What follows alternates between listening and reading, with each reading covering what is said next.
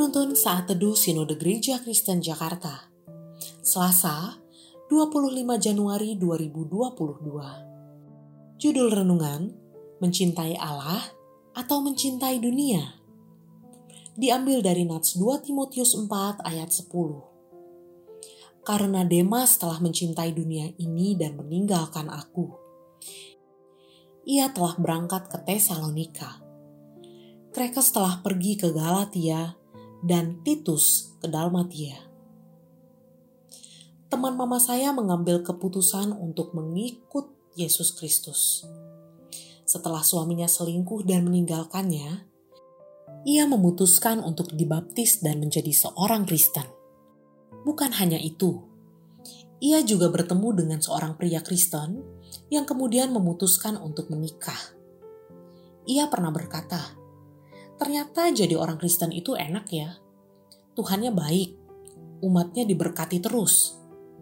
Namun, tidak berselang lama ketika ia terlilit hutang yang banyak, ia menghilang.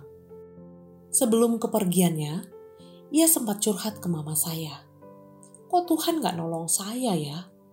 Gak beda ya Tuhan Kristen sama agama lain? Demas awalnya murid Paulus yang setia ia menemani Paulus dalam banyak perjalanan pelayanan.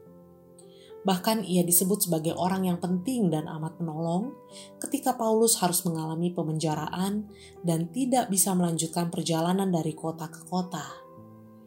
Namun, ternyata di dalam perjalanannya, Demas memilih untuk mencintai dunia dibanding setia kepada Tuhan.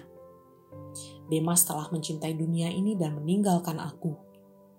Kalimat yang pendek berisi kekecewaan dan kesedihan.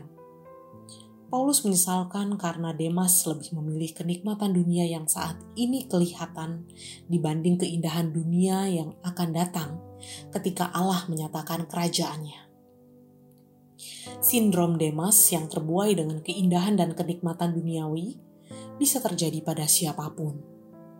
Entah dia baru saja percaya kepada Tuhan atau sudah mengikut Tuhan selama puluhan tahun iblis selalu berupaya agar anak-anak Tuhan meninggalkan Tuhan dan kembali menjadi pengikutnya.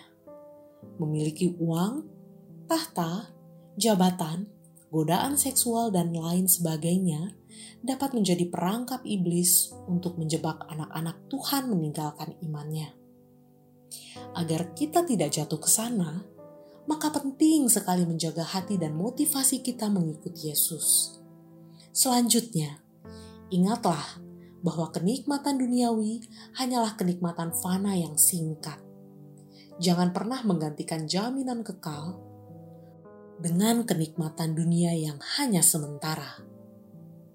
Bukan yang awal yang dicari Tuhan, tetapi yang setia hingga akhir mengikut Tuhan.